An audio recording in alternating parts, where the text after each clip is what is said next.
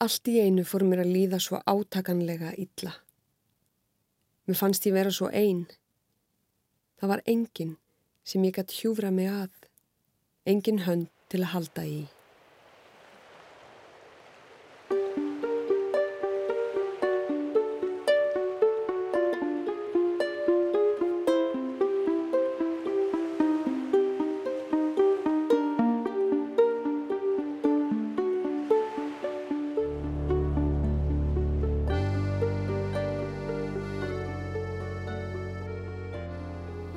Árið 1957 tók Ásta Sigurðardóttir saman við skáldið Þorstein frá Hamri og eignuðist þau saman fimm börn, þrjá drengi og tvær stúlkur. En fyrir átti Ásta einn són með Jóhannessi Geir listmálara. Ásta Sigurðardóttir andaðist í Reykjavík langt fyrir aldur fram þann 21. desember árið 1971, aðeins 41 ás að aldri eftir langa baráttu við áfengisfíkn. Ásta kvatti með sviplegum hætti og skildi eins og áður sagði eftir sig sex börn, Geir Regin sem nú er látin og var 22 ára við andlátt ástu og hinn fimm sem hún egnaðist með þostinni frá Hamri á árunum 1958 til 1964. Dagníu sem þá var 13 ára, Þóri Jökul 12 ára, Böðvar Bjarka 11 ára, Kolbein 9 ára og Guðníu Ásu 7 ára. Í þessum þætti skiknumst við inn í setna tímabilið í lífi skálsins og heyrum meðal annars í tveimur eldstu núlifandi börnum hennar. Þóri Jökli sem í dag starfar sem sóknarprestur í Larvik í Noregi og Dagníu sem er búsett hér á landi og starfar sem kennari.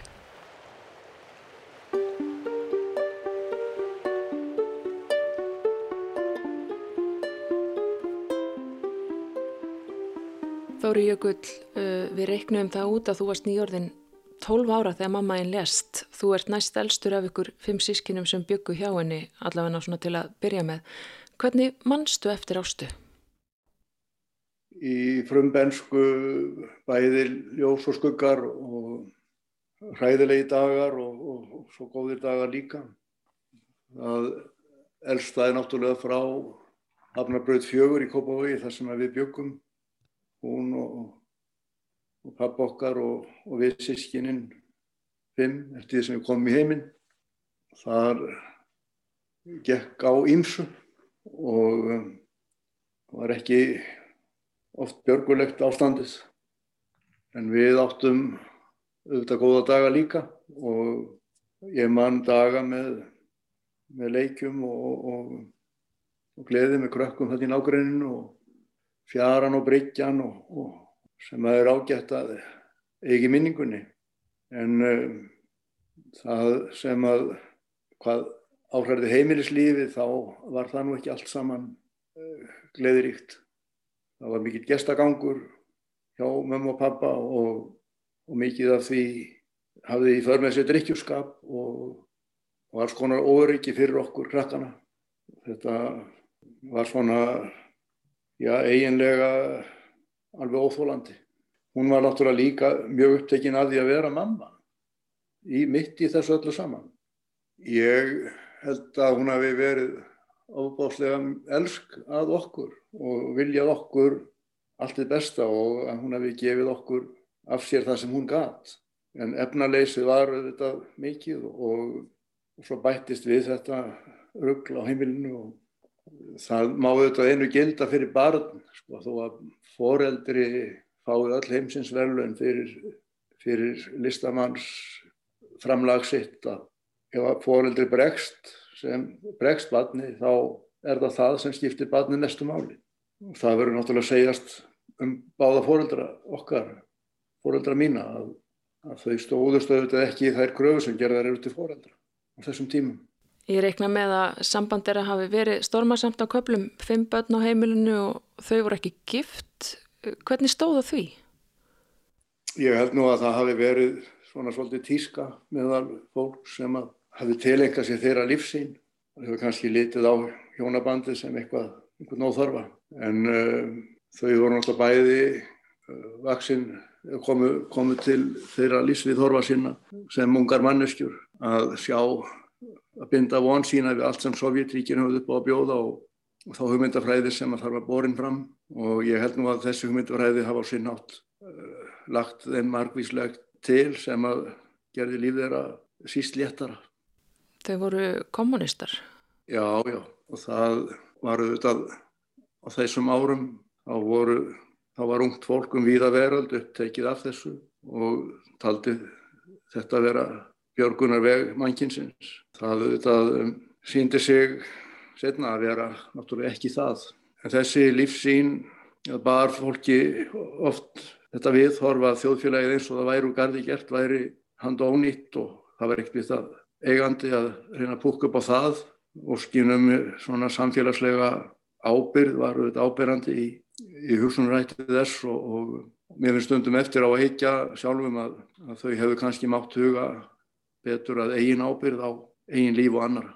Þau eru náttúrulega bæði mjög ung þegar þetta er. Mamma er þó sínu eldri, hún er komin, komin hún er nálgast þrítugt og pappi er um svítugt og það var náttúrulega hluti af þessu öllu að vera svona upp á kant við þið viðtekna og þykjast vita betur en reynsla kynnslóðana sagði fyrir um Það hefði verið hansið þungt lífið hjá ástuð þarna áður en hún kynnist pappi ykkar þóstinni. Mér skilst að það hefði byrt til hjá henni að vinstakosti svona til að byrja með þegar hún kynntist þessum sveitapilti sem var 19 ára og nýkominn á möluna. Þarna eignast hún mann og svo stuttum tíma börn og bíli. Var það draumurinn helduru? Eða svona það sem fyrir henni vakti? Já, ég, sko það er náttúrulega búið að, búið að gera mömmu að alls konar tákmyndum fyrir hitt og þetta og og henni hefur verið líst sem einhvers konar íkón fyrir fólk sem veitir hún vera ekkert um hvað þetta snýrist og um, hvað henni gekk til er auðvitað ekki svo auðvelt fyrir okkur að fullera um. En ég held að hún hafi eftir að þau tóku að eignast vörn saman og, og svona að reyna að finna út úr, út úr þessu öllu þá hafi það nú verið hennar ósk já, að, að geta haldið saman heimilinu og, og, og reynda að móta börnin sín og, og, og koma þeim til manns. Ég held að það hefði verið ásetningur þeirra svona í byrjun allavega að begja. Þeir eru þarna fimm sískinni sem fæðist á mjög stuttum tíma. Já, já, þetta gerist allt mjög hratt og þannig að nú bara lífið. Það veit enginn fyrir en allt er breytt og, og fólk þarf að takast á við tilverðinu með, með nýjum hætti. Ég man eftir því að mömmu var mjög umhugað um það að pappa gengi vel til dæmis í vinnu og, og einu sinni að hún burstaði skónans til þess að hann færi nógu fítna á einhvern fund sem, að, sem hann ætlaði að sækja. Ástaf var mjög ung þegar hún klárar landspróf og útskrifast úr kennaraskólanum með glimrandi próf. Hún hafi allt til að bera. Heldur þú að það hafi hamlaðin eða eitthvað leiti að vera kona?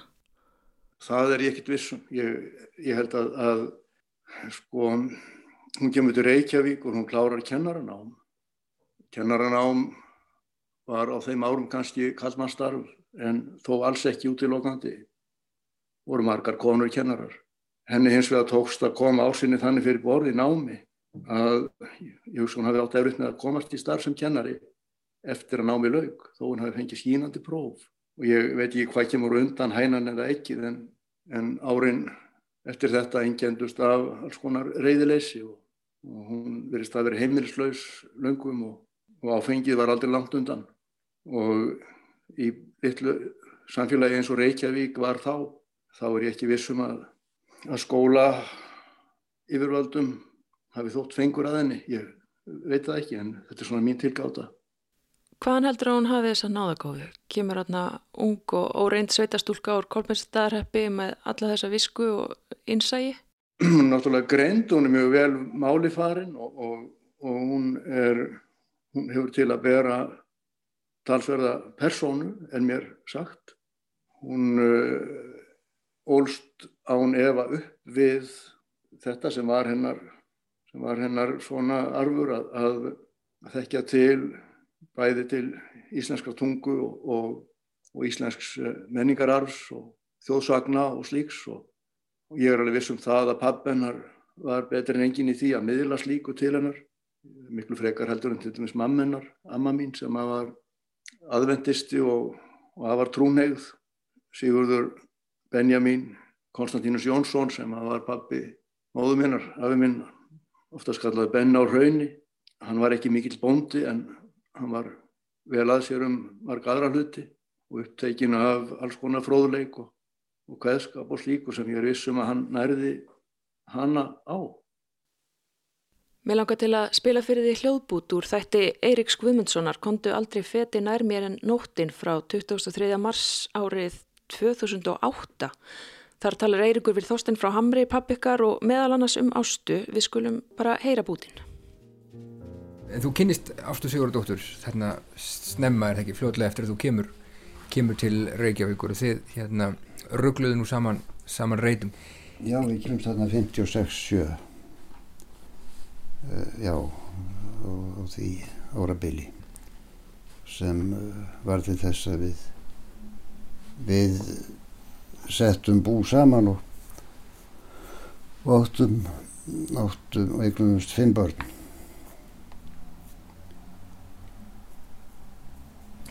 Get ég beðið um að, að lýsa Ástu, hvernig var Ásta?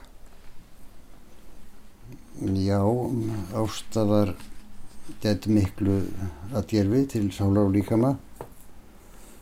Og nú það sem eftir hennar liggur vittnar um alveg óvinnlegt listrænt upplag. En öðrum þræði var líf hennar náttúrulega átakanleg sjúdómsaga eins og öllum var ljós sem hann þekktu. Og þegar við kynntumst þá var mér að vísu ljóst að hún átti við mikinn áfengisvanda að etja en gerði mér ekki grein fyrir hvaðan var djúbstæður ég þekkti líka ekki vel til þeirra mála. Vissi ekki bara lítið skín á alkoholisma og, bara, bara ungur og, og kjarkaður og held að all, allur mætti breyta. En Sannleikurinn var hins vegar sá að líklega var ástætt dæmið um uh, fólk sem bakkusleikur að velli í fyrstu aðtrinu. Svo hratt vann að ná henni. Og hún var uh, uppreistargjörn og neyðist til að ögra um hverfi sínu sem var svo sannarlega í mörgum skilningi lágkúrulegur og hræsnisfullur smábæjarbragur. Auk þess sem mannleg megin almennt runninni til rifja en þá gekk hún slundum í augrunarskíni lengur en hún þóldi sjálf. Slík tilfinning að vera sem hún var. En hvað sem öllu líður þá þóldum við saman bæði súrt og sætt. Og ég er ekkert eh, ofta að rifja upp þessa lungu leinu daga. En ég minnist ástu alltaf með virðingu. Uh, þessir tímar hafa, þeir hafa haft mikil áhrif á þeir, ekki?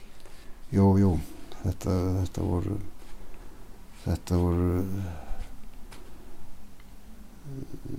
átaka mikil ár því að það var ákveð, við áttum nú allir þessi börn saman og það var mjög þröngt í búi oft og svo svo stíldum við nú að skiptum. En við víst hafa þessi ár, ár haft, haft meira áhrif heldur en heldur en ég ger mig grein fyrir. En hún hefur sennilega aldrei notið þess að hún nefnir hennar miklu hæfileika. Hún, hún nöyð þeirra aldrei til fulls þótt það sé margt gott sem eftir hennar líkur Ja, það er ekki svo gott að segja sko. ég, ég, ég, ég tók eh, að sjálfsögða eftir því hvernig hún vann. Og það, það var svo langt í frá að hún uh, hún uh, það var svo langt í frá að maður geti ímynda sér að hún settist við og inni. Það, það var, var fráleitt að ímynda sér það. Og, og þegar hún settist við þá gott að gerst allt í einu upp úr þurru og þá, þá skrifaði hún þessar sögur á ótrúlega stöttum tíma. Ótrúlega stöttum tíma. Mm. Það er frábæri sögur. Já. Já.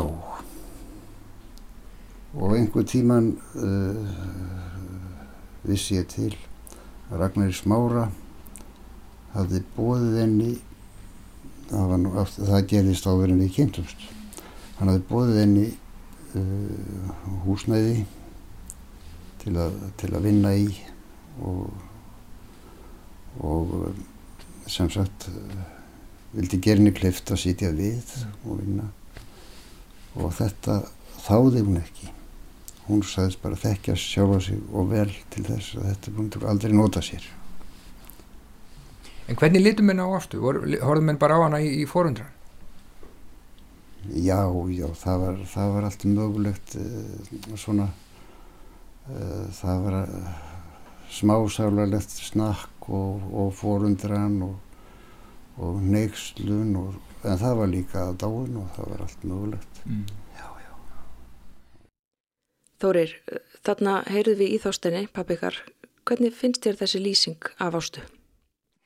Hún stendur auðvitað heima og þannig náttúrulega þessu líst af pappa mínum svona sem að þekkti hana frá fyrstu hendi. Ég hugsa nú að þarna skýni líka í gegn hans eigin viðhorf til þjóðfélagsins á þessum árum. Það er auðvitað gömur sag og ný þjóðfélag manna, samfélag manna er á hverjum tíma alltaf sjálfum sér lík og að einhver horfið til fólk sem er öðruvísi eða skar, stingur á einhvern nátt í stúf það er auðvitað ekkert fordæmingarefni, það, er, það fylgir mannlegu félagi.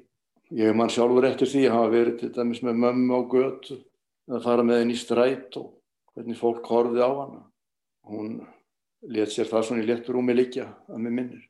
Það var náttúrulega fylgd henni líka þetta að hún var sem ung kona og bóðslega falleg manneskja og dróð þannig að sér aðtegli líka. Þannig að það var ekki bara atferðli hennar hegðun eða orð og heldur var það líka þetta. Hún var mjög fríð sínum og tilsvör hennar hafa á nefa oft verið að það var skörp og, og greindarleg.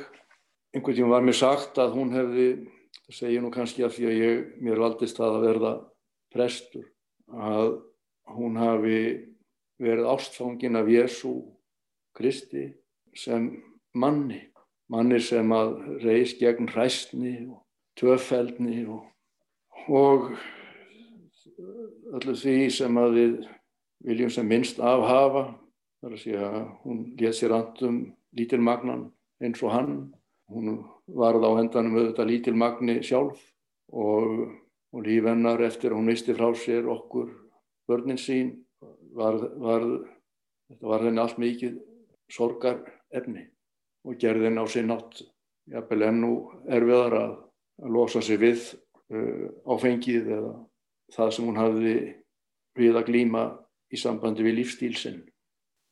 Hvernig mannst þú þessa tíma þegar Ásta misti ykkur frá sér? Hva, hvað var það sem gerðist? Sko, það eru er náttúrulega gött í því hjá mér. Ég er auðvitað fimm ára. Ég man það þegar pappi kvarf allt í hennu farin og hann fór á mjög erfiðum tíma, þetta var um mjól og það var ekki til arða í húsinu. Hjálpar hella mömmu, Þorgrímur Jónsson Gullsmiður, hann, hann kom og, og uh, færði okkur mat og, og, og hjálpaði okkur þessi jólinn. Síðan uh, kom pappi einhver tíman og sótti dótið sitt og mér finnst svona eftir það haf ég ekki síðan heilt í afskaplega langan tíma. Mamma hún varð að fara úr húsinu þarna á Hafnabröð fjögur og var þá um tíma upp á sýstur sína Otníu komin með, með mig og Ásu, yngstu sýstur mína og Kolbein, yngri bróður minn, önnu sískin mín Dagný og Böðvar Bjarki. Þau fóru í sumarvist að ökrum á mýrum og áttu að vera þar um sumar. Þegar sumarið sumari leið þá áttu þau ekki í neyn hús að venda og móður mín hafði átti fullu fangi með að, að halda okkur þremur. Um tíma var mamma með mig og okkur tvö, okkur þrjú, mig og Ásu og, og Kolbein voru á kamstanga hjá Otni og sýstur sinni. Otni gæti náttúrulega ekki haft okkur í það óendanlega. Mamma fekk um tíma inni á bæ í Húnavarsíslunni sem heitir Neðra Varshótt. Þar finnst mér eins og hafi verið eyðibíla á þeim tíma. Hús sem við byggum í var meir og minna húsgagnalust og þarna voru tóm fjárhús og hlaða Ég man eftir þessu sumri, þetta var, mér finnst eins og við höfum séð kríu unga, þannig að þetta hefur verið um vor og þangað kom og var hjá okkur Þorgrímur Gullsmiður Jónsson. Mér er mjög minnistætt að, að ég heyrði sem batn að fólkið í sveitinni þarna hefði líka verið að tala um hana. Fannst hún ekki fara að öllum eins og, eins og vant var með fólk. Þannig man ég hún söng við okkur og Ása sýsti mín var mjög lítil og þetta var á marganátt líka æfintýra heimur fyrir okkur kolbein, vorum að skondra þarna um hlöðin og eftir þetta finnst mér eins og leiðin líkja aftur til Reykjavíkur og, og þá uh, erum við á heimili Þorgríms Jónssonar í Nesveg 12 sem nú heitir Neshægi 12 í Reykjavík. Allan þennan tíma heyrum við ekkert um sískinu okkar og ökrum, við vissum ekkert hvar þau voru. Ég man að Mamma var afskaplega betur pappa á þessum tíma og lagði að mér að ef ég sæja hann á götu þá ætti ég ekki að helsa honum og láta eins og ég þekkt hann ekki. Ég held hún hafi lengi vel vonað í þessari neyðsinni að hann kæmi aftur og þetta tækist að bjarga þessu einhvern veginn. En þarna vorum við á, á nesveginum hjá Þorgrími og uh, því fylgdu bæði skín og skuggar. Mér finnst það eins og það hefur verið svolítið skrítið að að vera þarna úti að leika sér með öðrum börnum og þegar hverfið fylltist að matar ilmi á, á matmálstímum þá fóru allir heima að borða en við, við kolbeinn við svona vissum að það var mjög undir heilinlagt hvort það væri eitthvað hjá okkur. En þetta var í raun og orðið mjög bátt allt saman. Síðan var ég nú sendur í, í melaskóla og þegar ég kom í melaskóla þá var það bara eftir ammælistægin minn í november. Þannig að allir krakkar aðrir voru orðinir hagvanir í skólanum og Ég man að ég skammaðist mín alveg óbóðslega þegar við komum, ég og, og mamma í skólan, hún leti mig og mér fannst ég vera ósköp lítill og, og, og þetta væri svona eins og auðmygging fyrir mig að, að koma í skólan setna en allir aður og uh, það var síðan þegar þetta var far, farið að nálgast það að ég og við börnunennar, ég og Kolbjörn og Ása við erum tekin af henni. Á þessum tíma á, á, á nesveginum var hún byrjuð að drekka spritt og það var svona í mínu verkarhing að fara í apóteki fyrir hana og kaupa handinni sprittbrúsa. Ég man að einu sinni þá vildi fólkið í apótekinu ekki afgreða mig því að ég hefði komið fyrr um, um daginn. Það var farið að þekkja mig og saði ég geti bara fengið einn sprittbrúsa á dag og ég fekk vinn minn úr næsta húsi til að koma með mér í apótekið og sækja þennan brúsa nummer 2 að þessu sinni væri það fyrir hann. Hvað varstu gammal þarna? Þannig er ég, ég líklega á sjöfund ári. Við erum síðan, við erum tekinn frá henni og förum þá eh, að Dalbröð í Reykjavík sem var svona heimili fyrir, fyrir börn, í, fyrir vegar, vegalauðs börn eiginlega. Þar var búið vel að okkur og, og, um, og ég fór í laugalækjaskóla. Ég vildi að myndi nafn kennarans mín sem reyndist mér mjög vel og þar fekk ég að vita að ég væri svona reyndur strákur. Við fórum líka í sundlugarna gömlu í Laugardal, það var svona hluti af okkar heimi þarna. En þegar þarna var komið þá var svona stittast í það að við færum og sameinuðumst sískinum okkar á ökrum. Á þessum tíma á Dalbröð þá, þá heyrði ég aldrei neitt frá mömmu og, og, og heldur ekki frá pappa og ég sleppi náttúrulega úr, það eru náttúrulega minningar líka frá, frá svona millilendingu hjá, hjá fólki í Reykjavík sem hafa okkur um tíma, mig og Kolbein og Ásu. En frá Dalbraut þá förum við að ökrum og það veit svo til að ég fekk að vita hvernig þetta, þetta gerðist. Ég satt einu sinni að sögmarkvöldi og, og fekk mér viskílögg með fórstur föður mínum Ólafi Þórðarsinn á Ökrum þetta var austur á Ósi að borga fyrir Eistra þá sagða mér hvernig þetta allt saman verkaðist til að við fórum öll að Ökrum. Og það gerðist þannig að fósturinn minn var í Borgarnesi kaupstæðaferð hitti þar Jón Afaminn á Hamri sem hafið áhyggjur af þessu með börnin eða afabörnin hans börn þeirra Ást og Þorsteins. Og ég hefði kynst honum þegar ég var fjóra ára verið stutt á Hamri. Það var dýrmætur tími fyrir mig og er það alltaf í minningunni. Og Jón Afi minn hafði spurt Ólaf verðandi fóstur föður minn hvort hann gæti þó ekki að minnstakosti tekið mig líka. Og fósturinn minn hugsaði nú eitthvað ekki mikið um þetta en, en frétti síðan skömmu síðar að, að Jón og Hamri hefði orðið bráðkvættur og uh, þá reyfiðast samtalið upp og hann uh, fór og talaði við Ingi konu sína sem varð síðan fósturmóður okkar allra. Og nefndi þetta við hana hvort að væri ekki ástæði til að, að taka þá mig til viðbótar við Böðvar og Dagníu og Ökrum. En fóstra mín hún var aldrei svona smá í sniðum og sagði við hann að ef ætti að fara að taka einn þá getur við alveg stekið þau öll. Og ég man hvað það var skrítið að, að hitta þau Böðvar og Dagníu eftir öll þessi ár þrjú ár eru afbóðslega langur tími í æfi bars og við höfðum svona þurftum við að kynast upp á nýtt og þarna ólumstu síðan öll upp þannig að við komumst svona á, á mandómsár og, og snegurum okkur hvert að, að verkefnum tilverunar, hvert og eitt.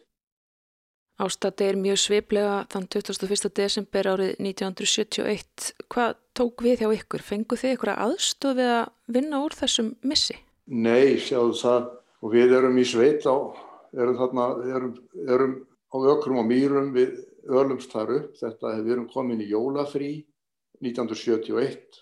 Á best þessi frétt að ökrum að mamma hafi dáið þá um um nóttina að ég, að ég minnir og um, ég var nú bara úti í fjárhúsum í einhverjum gegningum eins og krakkarti sveita og þá kom fóstra mín og, og sagði þetta svona, svona umbúða lítið við mig. Og sagði ég veit þetta er þungtóri minn en, en, en hún mammaðinn hún dó í nótt. Svo let hún mig svona einan með þetta bara og ég man þegar ég kom inn í hús þá voru sískinu mín þar alls grátandi. Og það svona eins og gengur þetta náttúrulega bara þurfti að ganga yfir. Síðan voru nú haldin jól og mill jól og nýjárs fór útförinn fram frá Hossórskapell í Reykjavík. Og um, í tengslu við þessa útför þá komum við saman á Þingórsbraut Þingórsbrautin í Kópói þar sem að amma mín átti þá heima og Otni og móðursýsti mín og þetta er allt svo förðulegt sko að þarna Þarna er einhver maður sem heitir Baldur sem var þá orðin ekkil og hafi verið giftur mömmin. Ég hef ekki haft eina svona vittneski um það. Og þarna er hann auðvitað með böggum yfir þessu öllu saman og kendi sér um andlát hennar og svona. Af því hann hafi hugsað sér að reyna að kenna henn að drekka.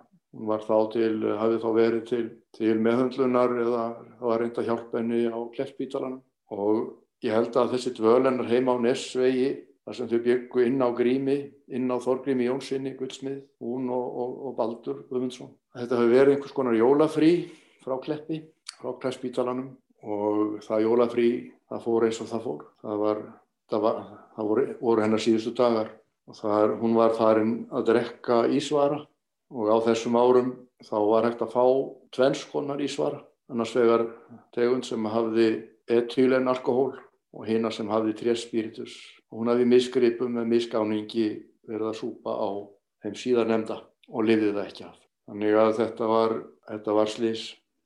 Hvernig líðið með þetta í dag? Hvernig minnistu mömmuðinnar í dag? Ég haf nú stundur sagt að góð barnæska endist allæfi eða vari allæfi og ólánleg barnæska, hefur nú til neingu til að gera það líka. Það þarf burðast með ákveðna hluti sem að fólk sem að aðlist hefur upp með, með allt hellegt í kringum sig, það skilur ekki. Fólk sem að elst upp með, með svo, svo heila fjölskyldu og heila óbrotna fjölskyldumynd, það skilur ekki, þá er mjög erfitt með að skilja hvað það fólk burðast með sem að hefur ekki nótið þess arna. Samt er það þannig að enginn hefur samanburðar neinu öðru en eigin lífi. Og þann átt þá hefur uh, þessu uppvöxtur minn á marganátt verið mér eiginlega eins og, eins og farteski sem að þarf að, að gera ráð fyrir og vinna úr, láta ekki þvælast fyrir sér og jafnvel reyna að gera það sér að vega næsti. Og ég held ég geti með fullir vissu sagt að, að margt af þessu hefur kannski mótað mitt persónlega líf. Mér hefur haldist illa á á samböndum við konur.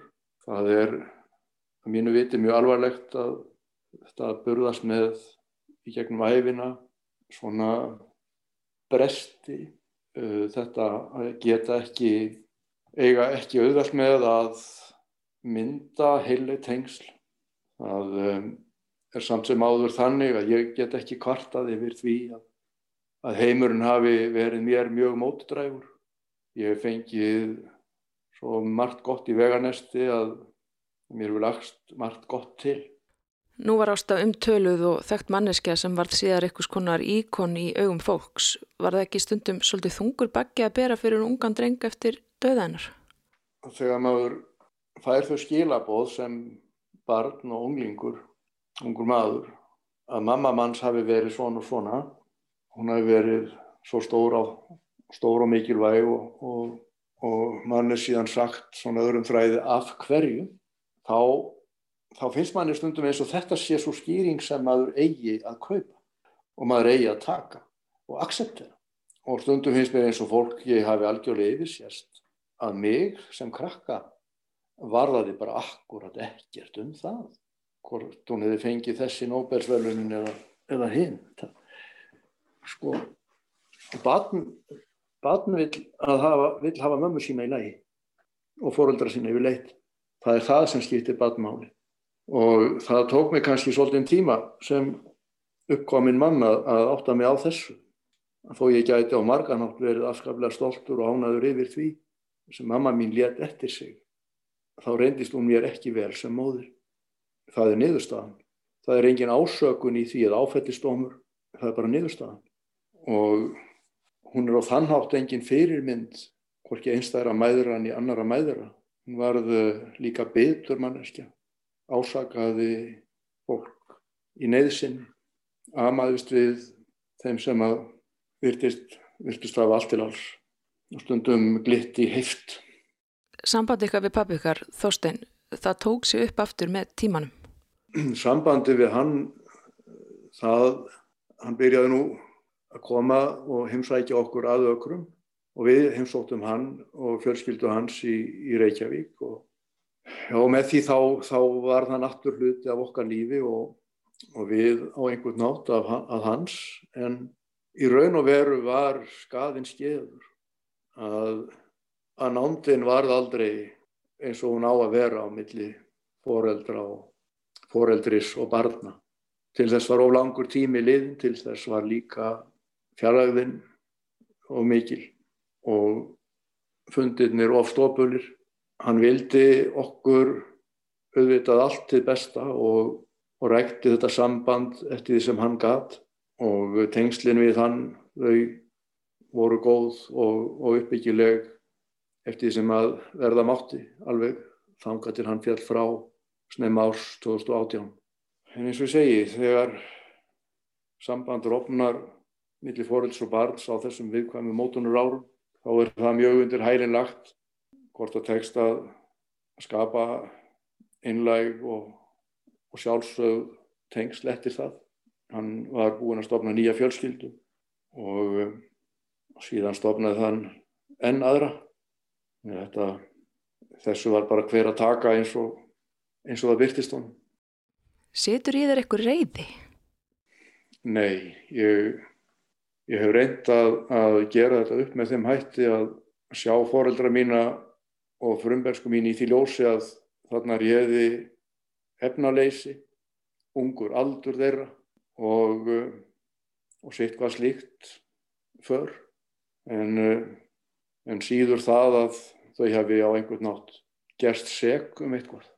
Við erum ekki húsbændur yfir öllu því sem að fyrirber eða gerist í okkar lífi. En við auðvitað förum líka misvel með það sem að okkur er gefið.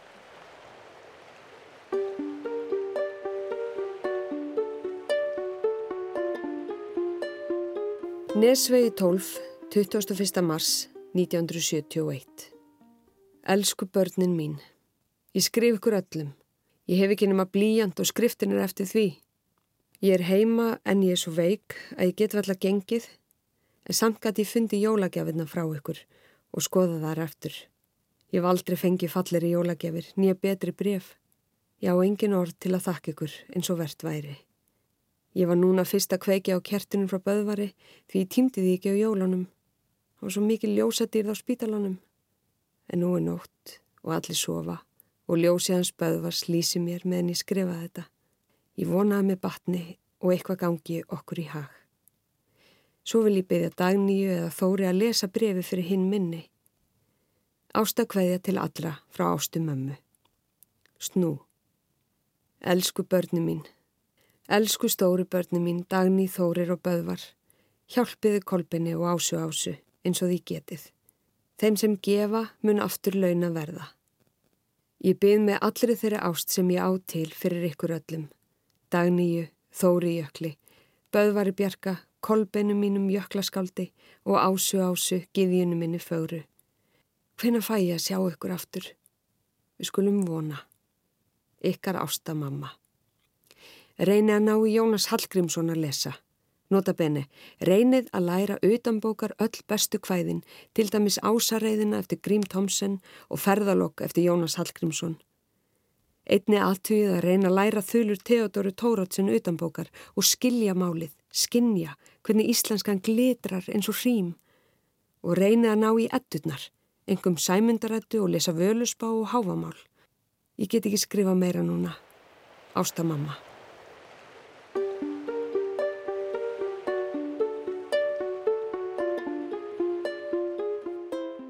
Dani, hvernig mannst þú eftir ástu með möðinni?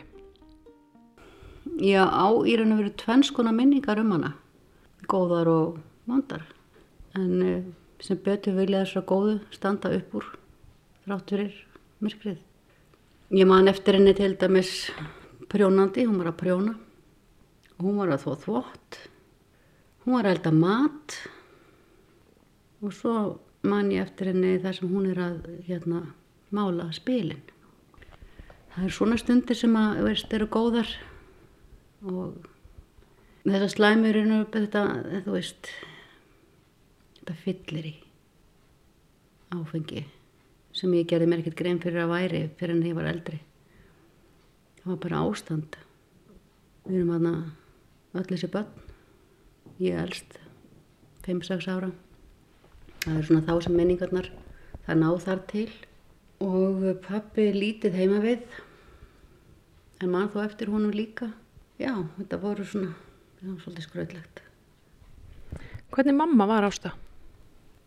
Hún var tvennskonar það var þegar hún var í lagi hún var edru þá var hún hlý og góð og við fengum að lita og teikna og pappir á borðinu og farið í gardin að gera eitthvað og, og verið í kringum hana eins og til minnst þegar hún var að þó tala við hennar þegar hún var að brjóna þá var hún hlý og, og góð og hún las fyrir okkur. Ég man það, hún las fyrir okkur á kvöldin. Það hefur ekki verið á hverju kvöldi en, en það voru í, í sko oftast ævintýri þjóðsögur og svo söngum fyrir okkur líka. Fór með þölur þetta var svona góða, góða stundir og góða minningar. Hún var svona hlý og notaleg. En um leiðum á komin í, í glas þegar ástandi breytist þá var hún grimm Þú segir, þú kannski áttar þig ekki alveg á að þetta ástand sem var á heimilinu var ekki kannski bara eðlilegt.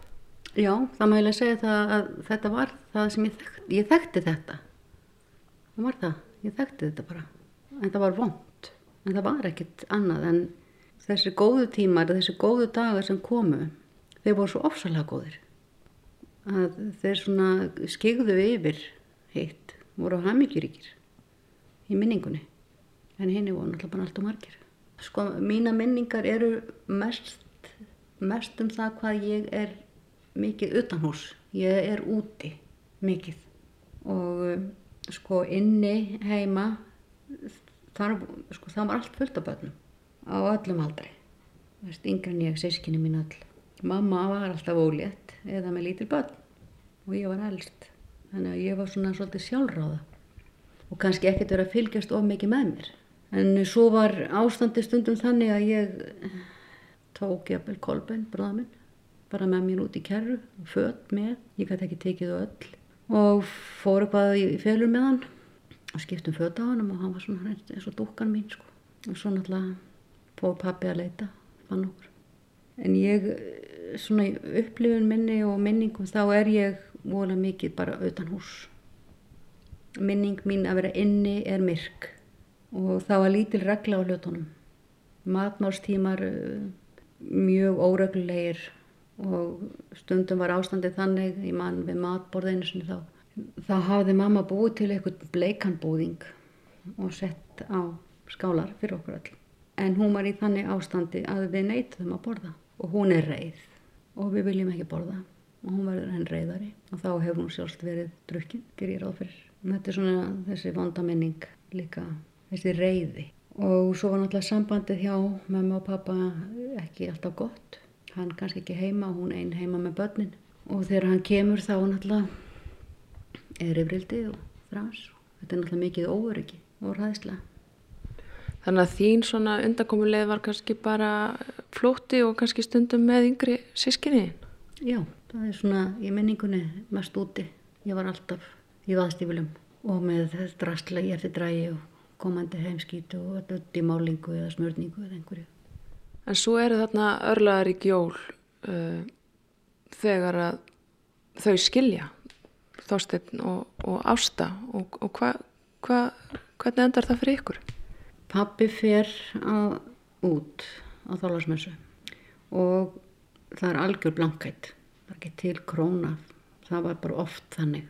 Og hann, eh, Þorgrimur Jónsson, kallaði Grímur Gullsmiður, mikill vinu mammu, um, hann kom oft færandi eitthvað. En þetta, þennan dag, þálasmessu, þá fer pappi út og hann kemur ekkit aftur. Húsið kallt, engin matur, en hann kemur, hann grímur, færandi hendi og setur upp jólinn.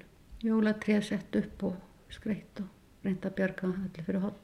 En við vorum vel dúðu því að það var ískalt í húsinu, því að það var ekki hægt að kaupa ólíu, ólíubillin var að fara hjá, að það var staðgreitt, þannig að hann fór fram hjá. Þannig var það og síðan bara hefst þessi, þessi upplausn öll, desember leið og, og janúar pappi kemur og fer og ég veit í dag að hérna að því ástandið á heimilinu var orðið svo alvarlegt að barnavendinandi fann að skipta sér af og hafði verið að því áður reyndar að pabbi beðin að taka sér, til, taka sér saman í andlitinu og, og reyna að hugsa um heimilið. Og hann er að reyna þetta en er hverfur öðru kóru og svo endingur af farin þá er það svona mars, april kannski.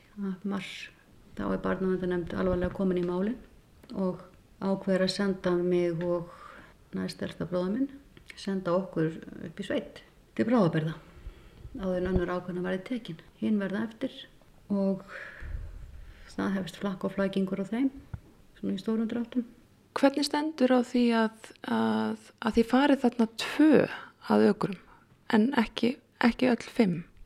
Það var vegna þess að barnavendanemt hún hérna mata þannig að ég og þessi bróðuminn að við hefum verið orðin svo hrætt að vera í húsinu.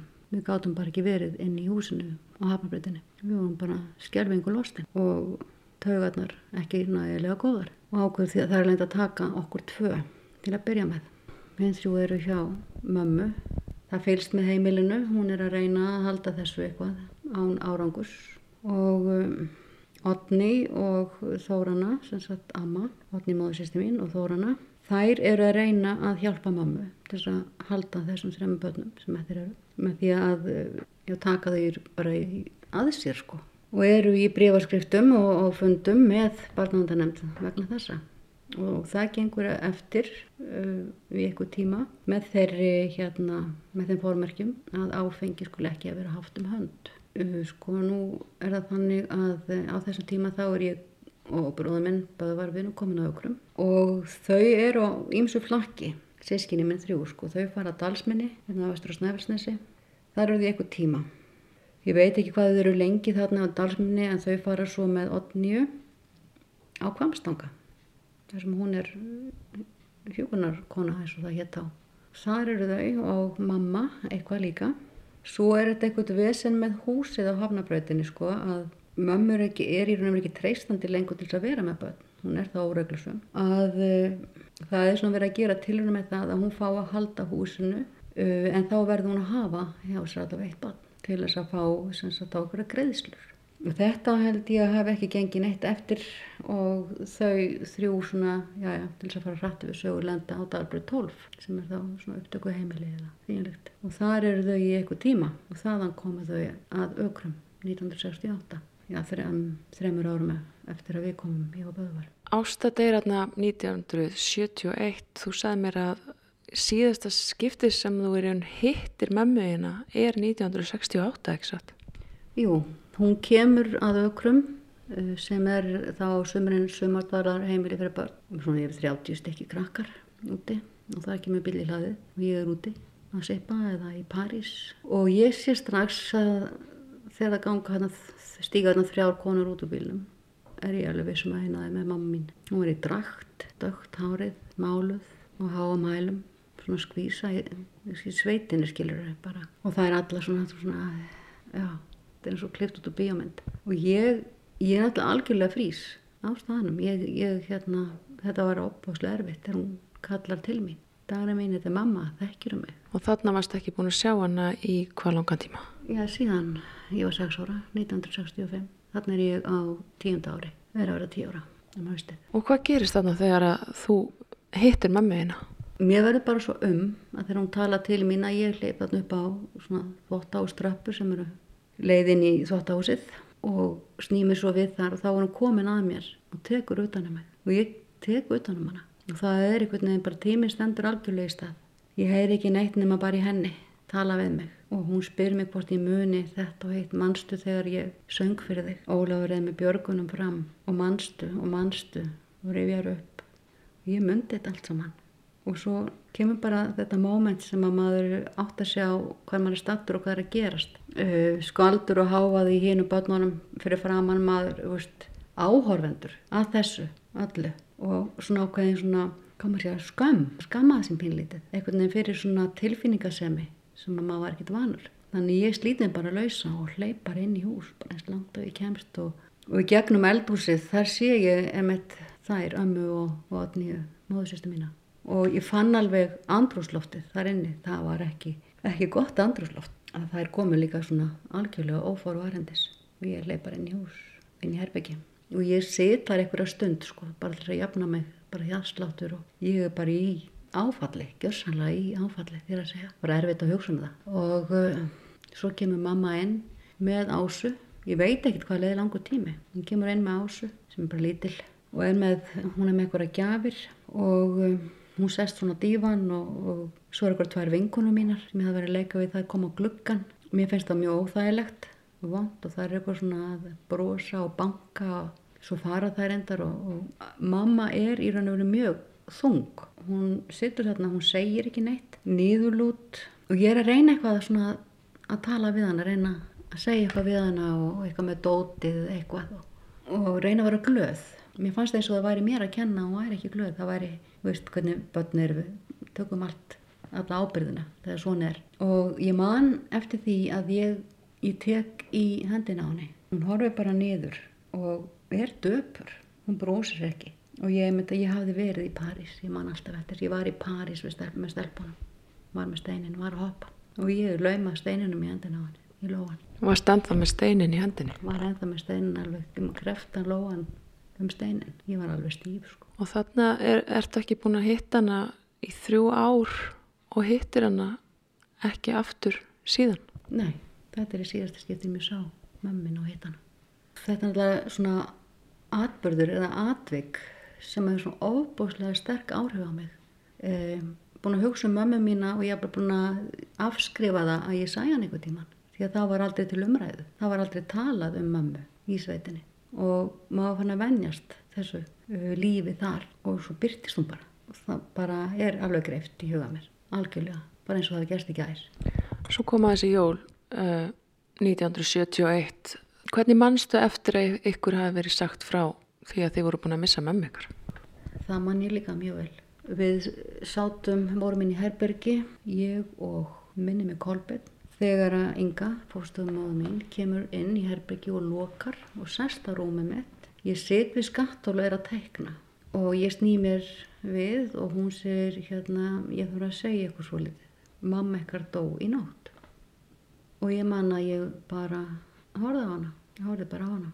Og manni hvort það var kolbetni ása sem voru að neina hjá mér. Uh, en það sískinni mist fór að gráta. En þá var ég lungu hægt að gráta gerði það mjög fljóðlega eftir ekki með sveitina sko.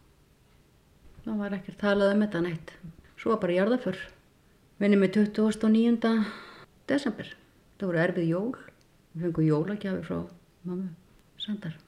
Og svo var það já, jarðaförinn og svo var það, það var aldrei talað um neitt. Ekkert rætt. Mamma gerði dáinn og svo bara farið og svo hjælt bara lifið áfram. Hvernig er þetta í dag? Ertu, ertu búin að fá ykkur útrás fyrir þessar erfið tilfinningar? Nei, þær hafa í raun og veru bara verið lokaður inni, þér að segja. Bara lokað á þær. Af því að ég náttúrulega þekki ekkert annað. Svona lifði ég, svona lífi lifði ég, svona var benskan mín.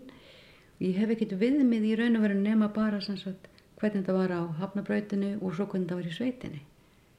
En ég gerir mig grein fyrir þetta er ekkert venjulegt. Svo nátt ekkert að vera. Þannig að, um, og þetta er einhvern veginn hlutir eða efni sem að maður eins og ég allavega hef aldrei rætt við neitt ekki, ég hef ekkert viljað að ræða það. En ég hef hins vegar skrifað þetta allt niður. Aldrei rætt það, ég þurfti að koma svo frá mér eitthvað neður skrifa þetta niður bara gennum tíðina. Það hefur kannski verið viss sálu hjálp í því.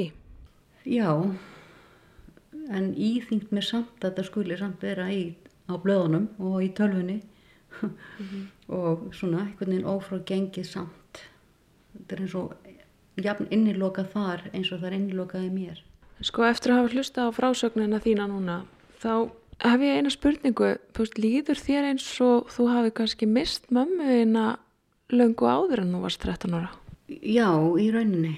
Þegar ég áttaði maður því í, á ökrum, það var þannig að, eh, eins og ég sagði, það voru sumadvöl í sveit þarna eða barnaheimili á sumrin. Póstra mín rak það og hún var með konur í vinnu og fullt af börnum á, frá 6 til 10 ára. Þetta voru ekki endilega börn frá sagt, brotnum heimilum, þetta var í fyrstu bara, þú veist, eh, flottheit frá fólk, fólk sem að hérna, vildi senda börnin sín í sveit. Svo fóru alltaf félagsmálastofn að koma inn í líka setna meir en þá er ég án eldri.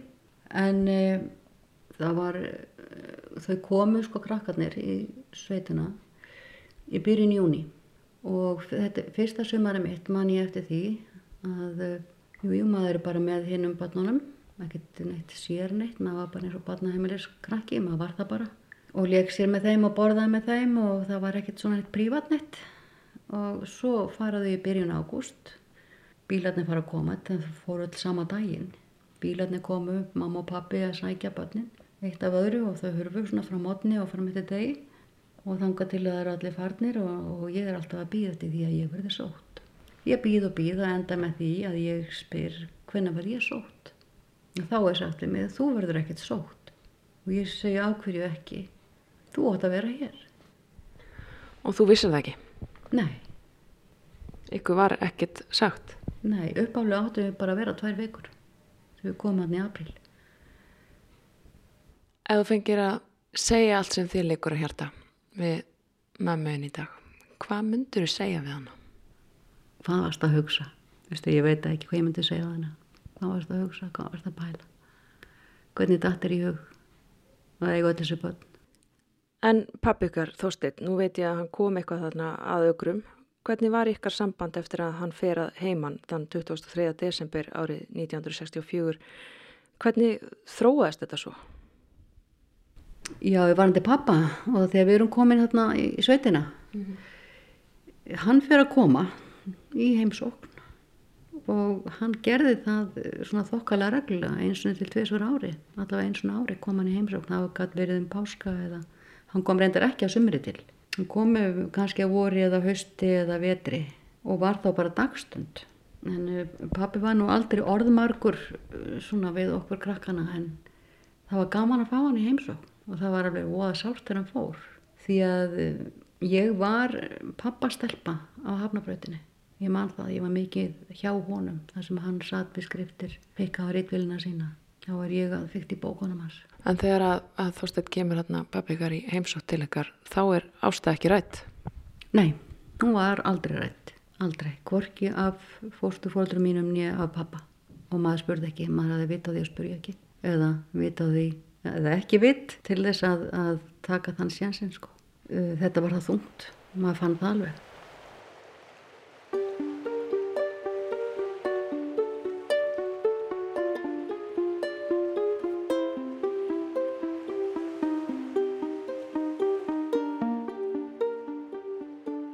Nesvegi 12, Reykjavík, 3. júni 1971 Elsku börnin mín Ég byrði ykkur að fyrirgefa mér að ég get ekki sendið ykkur öllum eitthvað núna. En vonandi get ég það í haust.